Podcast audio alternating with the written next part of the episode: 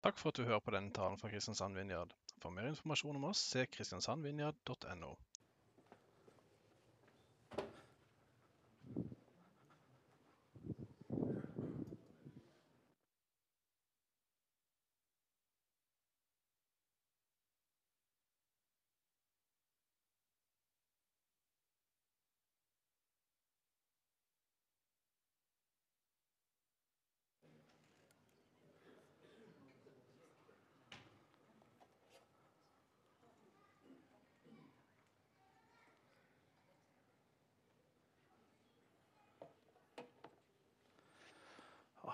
Så herlig å være her. Det er så herlig å bare være i lovsang. Og Det var så flott å være her i går, se alle som kom, ha fest sammen, glede oss sammen. Jeg heter da Ivar. Jeg tror de fleste kjenner meg, men det er jo alltid greit å si navnet i tilfelle. Jeg skal begynne i dag med å lese et veldig kort lite vers fra Johannes 2, 5. Der står det Men moren hans sa til tjenerne, det han sier til dere, skal dere gjøre. Jeg har begynt med noe nytt som jeg ikke har gjort før. Eh, det er slektsforskning. For det er sånn at eh, jeg vet egentlig veldig lite om min egen far. Når jeg ble født, så var pappa allerede 62 år gammel. Og når jeg var sånn 6-7 år gammel, så ble pappa syk. Da fikk han hjerneslag og blodpropp og ble lam i halve kroppen.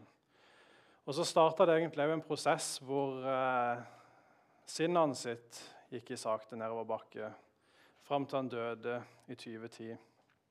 Og jeg, og jeg, husker veldig lite av min pappa som frisk. Jeg har veldig få minner av hvordan han var. Så og så skjedde det òg når jeg var barn, at familien min ble splitta. Så familien på pappas side har jeg hatt veldig lite kontakt med selv om det har blitt litt mer nå i seinere tid. Men så har jeg prøvd å finne ut litt om pappa. da. Så En av tingene som jeg fant ut, var at han som 20-åring dro over til USA i 1947. Da satte han seg på et fly fra Stockholm og fløy over til New York. Og I migrasjonspapirene til USA så står det at han hadde 10 dollar på seg. Og Det skulle da holde gjennom ei uke før han skulle mønstre på som eh, hjelpegutt eh, i maskinrommet på en båt. Og jeg ser for meg at Det var en ganske spennende ting å gjøre som 20-åring. å sette seg på et fly over til USA. Kanskje spesielt i 1947. Um, ehm, og han seilte rundt forbi. Jeg vet at han var innom Tahiti, Hawaii. Jeg vet at Et av skipene som han var på grunnstøtte, og han ble stranda i USA i tre måneder, hvor han reiste rundt litt. Uh, jeg vet også at han fløy over til USA igjen for å mønstre på et nytt skip, og at han på et tidspunkt eh, hen i USA gikk tom for penger og måtte skrelle poteter på amerikabåten for å komme seg hjem til Norge. Ganske spesielt. Um, og Etter hvert som jeg har lært mer og mer om pappa, så kjenner jeg jo at det gjør noe med meg. Det gjør noe at jeg får en annen forståelse av hvem han var. Og så gjør det òg noe med at jeg får en annen forståelse av hvem jeg er. For det er liksom en sånn del av pappa som lever videre i meg, i arven etter han. Og, og så har jeg tenkt litt etter. liksom, Har jeg hatt noe av den eventyrlysten? Så tenker jeg når jeg dro over til USA, da var jeg 18 som utvekslingsstudent. Og når jeg fikk muligheten til å ta flytimer, så hoppa jeg på det uten å nøle. Altså, Det var største gleden å fly rundt der og holde på. Og Hvert nytt sted som jeg fikk lov til å besøke, var bare en sånn forventning om at nå skal jeg virkelig få oppleve noe fantastisk, noe utrolig spennende. Og så har jeg tenkt tilbake igjen på hvor utrolig liten trussel jeg har vært for fienden vår i den tida. Jeg var vokst opp med å bli lest barnebibelen for. Mamma leste det hver kveld for meg. Men når pappa ble syk, så tok jeg et veldig tydelig oppgjør med Gud. Tok avstand fra han hadde egentlig et litt sånn hatforhold til han. Så Gud var ikke noe jeg tenkte på eller brydde meg om.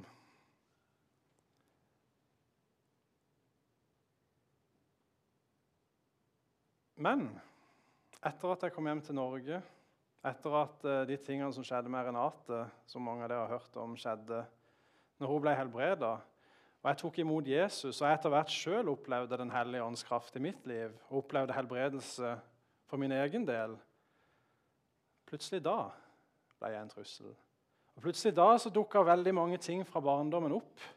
Sår og smerter og skuffelser og urett som var gjort.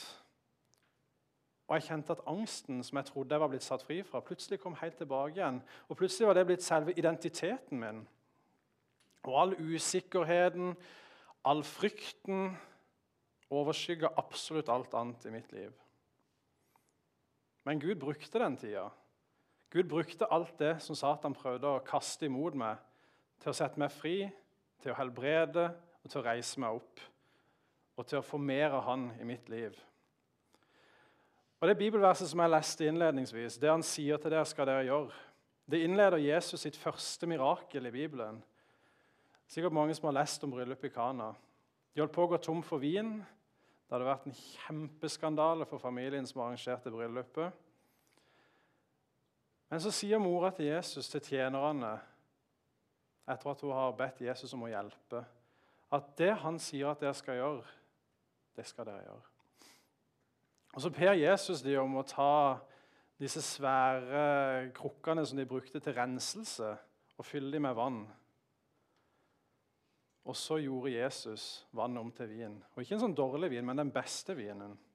Og så Når jeg leser disse ordene, så tenker jeg på hvordan har dette vært for tjenerne.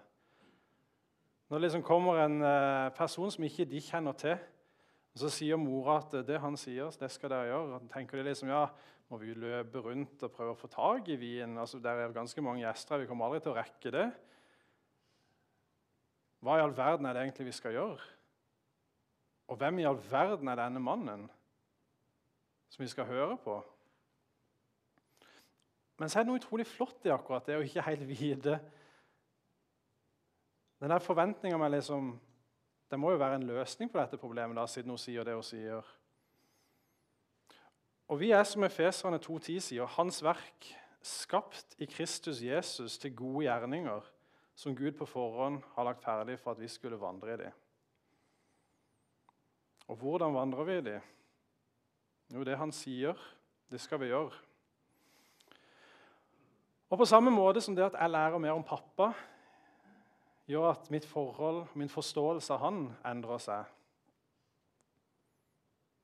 og gjør at jeg kjenner at jeg har lyst til å våge mer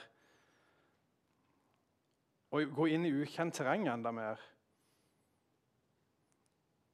Og forvandler meg til mer enn det jeg sjøl tror at jeg er.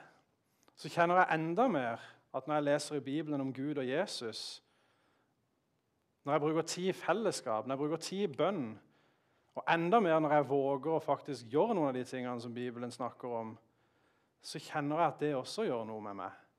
Det gjør noe av hvem jeg er. Det gjør noe av hva jeg er kalt til å være, og hvordan jeg opplever meg sjøl. Og enda mer hvem jeg opplever at Gud er, og Jesus er, og Den hellige ånd er. Og Jeg hørte Torbjørn eh, viste meg et YouTube-klipp for en stund siden hvor en taler snakker om at vi er nødt til å forkynne evangeliet for oss sjøl. Helst hele tida, men iallfall et par ganger om dagen. For det, det er først når vi gjør det, at vi virkelig forstår Guds godhet. Og Det er kun da at vi forstår dette, at vi blir i stand til å elske Gud av hele vårt hjerte, sjel og forstand. Og vi innser hvor totalt avhengig vi er av Gud, av Hans godhet og Hans nåde og tilgivelse og Hans kraft. Og Hvilket fantastisk liv det er vi blir tilbudt av Gud. Og så leste jeg akkurat her en utrolig flott historie som er skrevet av en pastor som heter Rick Ezzel. Og Jeg har oversatt den historien og gjort den litt mer norsk og bytta vekk litt norske navn, litt engelske navn. og litt sånt. Men det er i hvert fall en historie om to barn som går og besøker bestemora si. For å gjøre det veldig norsk så kaller vi de Kari og Ola. Og Ola han er ute og leker alene med spretterten sin. Og så ser han bestemora si kjeleand, som hun er så glad i. Hun er mer glad i den enn noe annet som hun har. Og så leker han seg med spretterten. Skyter, treffer Anna. Anna spreller rundt, faller om død. Og Ola kjenner bare frykten virkelig bygge seg opp inni seg. Han løper hen, plukker opp Anna, løper ut i skogen, kikker seg rundt og begraver Anna. Og håper virkelig at ingen har sett han. Når kvelden kommer, så pleier Kari og Ola når de er hos bestemora, å bytte på hvem som gjør husarbeid. Og Denne kvelden så var det Kari sin tur til å ta oppvasken etter middagen. Men Kari sier til Ola i kveld skal du gjøre det. Men Ola sier nei, jeg vil ut og leke. Men Kari sier jeg så at du drepte bestemor si Ann. Jeg så at du skjøt spretterten din på henne. Og hvis ikke du tar oppvasken, så forteller jeg det til henne. Ola ble redd og tenkte med seg sjøl ja, men det kan ikke skje, hun kommer til å bli knust. Ok, greit, jeg skal ta det. Neste kveld skjer det samme. Og igjen og igjen og igjen. Hver gang det er husarbeid, så er det Ola som blir sittende igjen med det. To uker går, og så kjenner Ola at han er nødt. Han kan ikke leve sånn som dette. Han kan ikke være hos bestemor lenger og leve under dette. Så han lister seg opp, skjelvende til bestemor. Han står utenfor døra til rommet sitt og skjelver. Banker på døra og sier, 'Bestemor, jeg har noe jeg er nødt til å fortelle deg.' 'Hva er det?' spør bestemora. 'Er det noe galt?' Vet du, Det er det verste jeg noensinne har måttet fortelle noen. 'Fortell meg det', sier hun. Jeg har, jeg har drept Anna di, som du var så glad i. Jeg skjøt på han med sprettert når han er død. Bestemora gråter ei tåre, tar han nærme seg, legger armen rundt han og forteller han. Jeg satt med vinduet åpent den dagen du skjøt Anna. Jeg så allting. Jeg har gått i to uker nå og lurt på når du ville komme og fortelle meg det. Og jeg tilgir deg.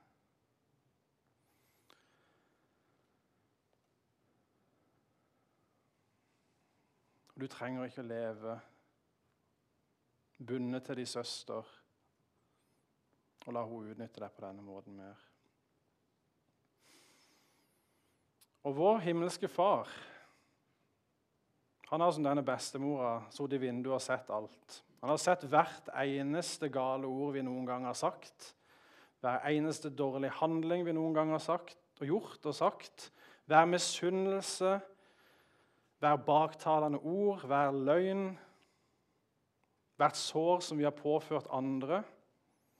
Og ikke minst alt vi har gjort mot Han og sagt om Han. Og for Gud så er hvert menneske som denne elskede Anna til bestemora. Og Hadde livene våre vært en rettssak, så hadde juryen enstemmig ropt 'skyldig' nesten før vi hadde kommet inn i rettssaken en gang. Og Satan han elsker å holde oss bundet i det vi har gjort. Å holde det over oss og hindre oss fra det livet som vi er kalt til å leve. Åssen i all verden kan jeg gjøre noe som helst som ikke engang klarer å leve rett i de små tingene? Jeg kan da ikke bli brukt av Gud. Men Gud elsker oss så mye høyere enn det vi noen gang kommer til å være i stand til å forstå. Og Paulus skriver i Efeserne 3, 14-20 at derfor bøyer jeg da mine knær for Faderen, han som er den rette far for alt som kalles barn i himmelen og på jorden. Jeg ber om at Han etter sin herlighetsrikdom ved sin ånd må gi dere å styrkes med kraft i det indre mennesket, at Kristus må bo ved tronen i deres hjerter, for at dere, rodfesta og grunnfesta i kjærlighet, sammen med alle de hellige, kan være i stand til å fatte hva bredden og lengden, høyden og dybden her er og at dere må kjenne Kristi kjærlighet, som overgår all kunnskap, så dere kan bli fylt til hele Guds fylde med Han som kan gjøre mer enn alt, langt over det vi ber eller forstår, etter den kraften som er virksom i oss. Og jeg tror det er sånn at Når vi blir i stand til å forstå denne kjærligheten, når vi blir fylt av Guds fylde, som det står, at vi blir i stand til å gjøre det som Jesus kaller oss til å gjøre. Til å elske vår neste som oss selv.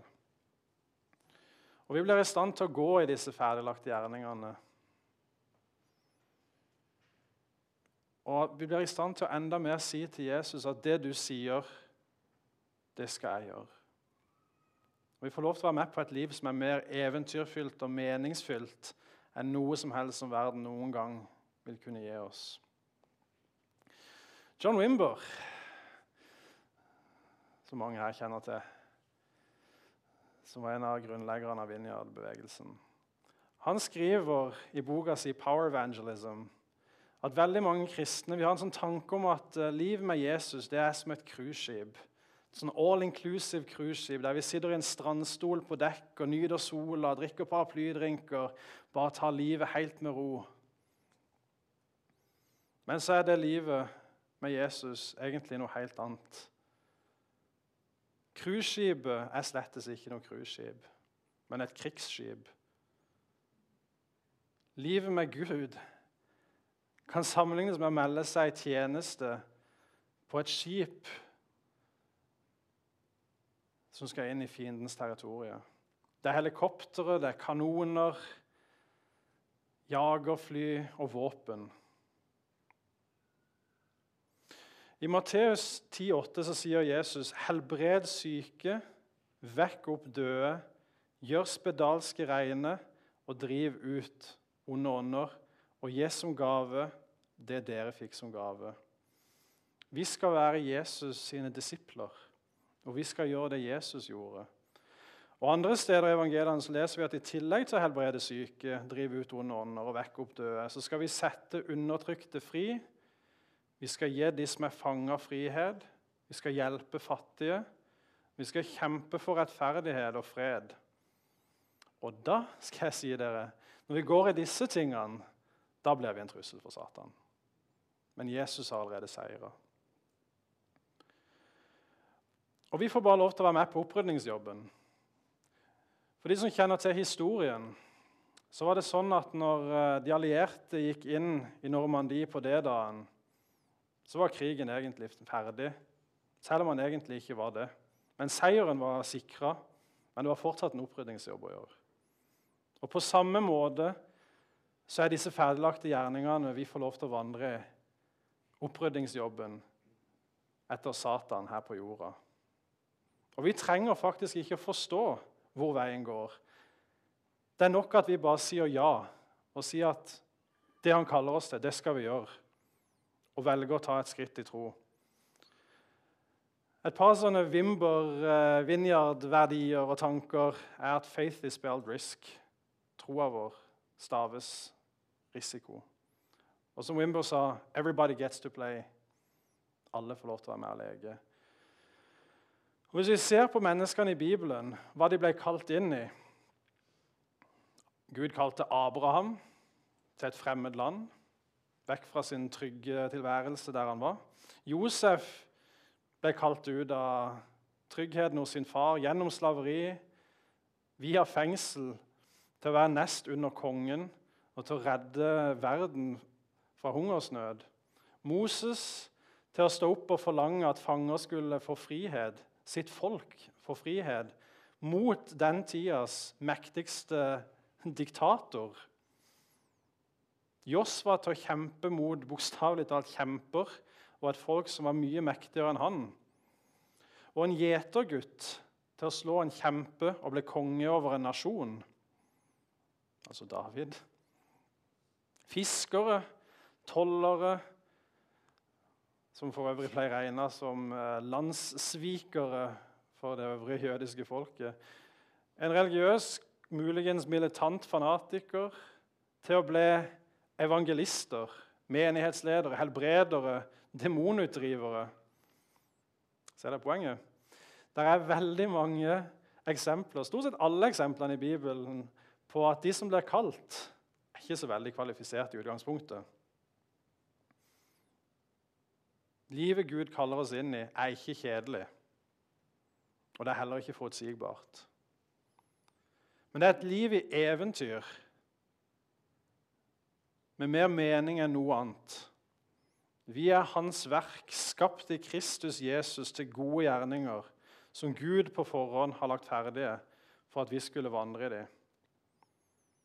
Og vi er skapt, som det verset sier, til det Gud har lagt ferdig. Ikke det verden har lagt ferdig, eller det verden kaller oss til, eller det verden sier at vi skal ville.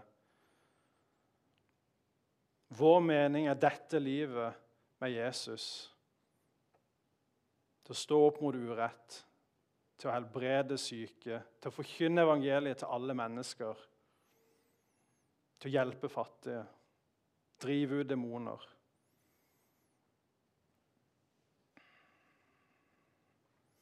Vi ikke reise oss.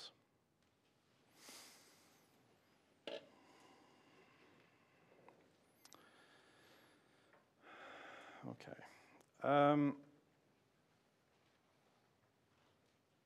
når jeg ba mens jeg jobba med denne talen,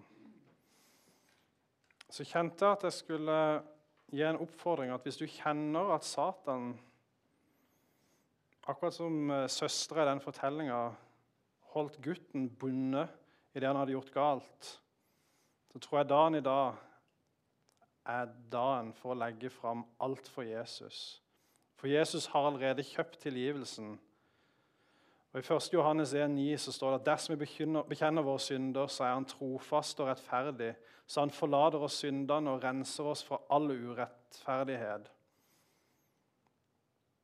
Så hvis du kjenner at uh, du har noe uoppgjort, noe som du kjenner hele tida henger over deg, så tror jeg dagen i dag er dagen for å legge det framfor Jesus og ta imot hans tilgivelse. Og Hvis du kjenner at du lengter etter dette livet som Jesus kaller deg inn i, det er som du er villig til å ta et nytt skritt i tro inn i det eventyrfylte livet du er skapt til å leve, til å si ditt 'ja, Jesus', det du sier, det vil jeg gjøre. Så tenk at vi skal ta oss og rett og slett gjøre en handling i tro. Og ta et skritt framover, om du må ta et skritt til sida først. eller hva du må gjøre. Så. Men å ta et skritt framover hvis du kjenner at i dag er dagen som jeg har lyst til å si det du kaller, det du sier, det vil jeg gjøre.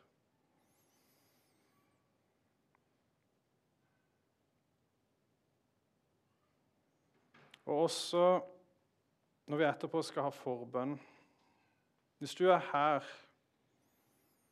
som jeg var når jeg møtte veggen Hvis du står i en situasjon som du ikke skjønner hva som skjer i, så vil vi gjerne stå sammen med deg. Og Gud kan bruke alt til noe godt. Så kjente jeg også på at jeg tror Gud har lyst til å sette noen fri fra angst i dag. Noe som ikke, en, ikke bare sånn jeg å si det, lett type angst, i den grad det finnes, men en virkelig tung angst som hindrer deg fra å gjøre det som du ønsker å gjøre med livet. Og en håpløshet. At uh, framtida virker mørk. Og også kjente jeg på nakkesmerter. Så jeg vil bare begynne med å be, Herre. Jeg bare takker deg for at uh, du har kalt oss til et fantastisk liv. Og til at du har kalt oss inn i ting som ikke vi er i stand til å gjøre sjøl.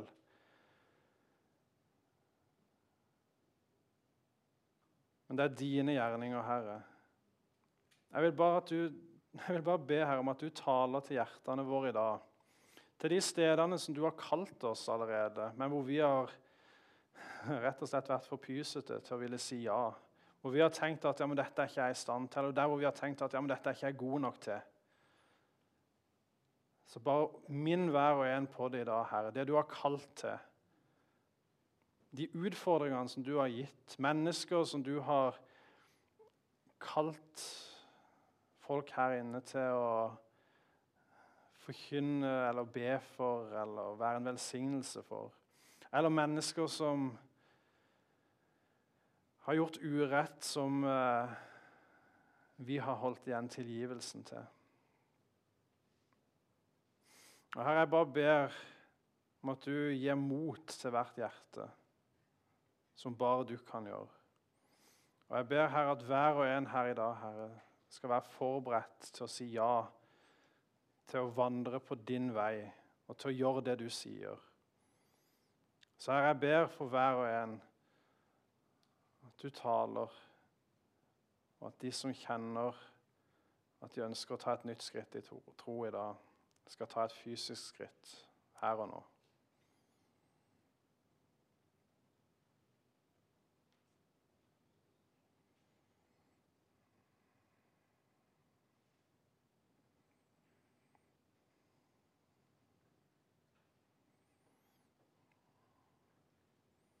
Herre, jeg ber om at du også åpenbarer for hjertene våre de stedene som vi har uoppgjort synd med deg. De stedene hvor eh, vi har kommet til kort, hvor vi har gjort ting eller unnlatt å gjøre ting. Så ber jeg bare om at du taler til oss og hjelper oss til å legge det fram for deg. Så er du trofast, og du tilgir.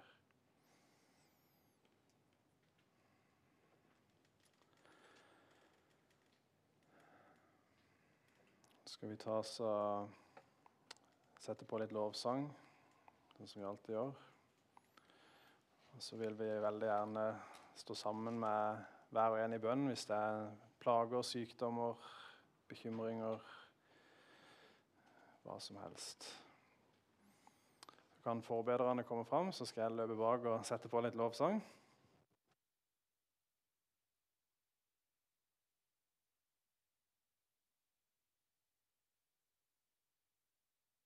Takk for at du hørte på denne podkasten. Ta gjerne kontakt med oss via vår Facebook-side Kristiansand Vinjard, eller besøk oss på Vågsbygd ringvei 100 i Kristiansand. For mer informasjon om hva vi gjør og hvordan du kan bli involvert, gå inn på kristiansandvinjard.no.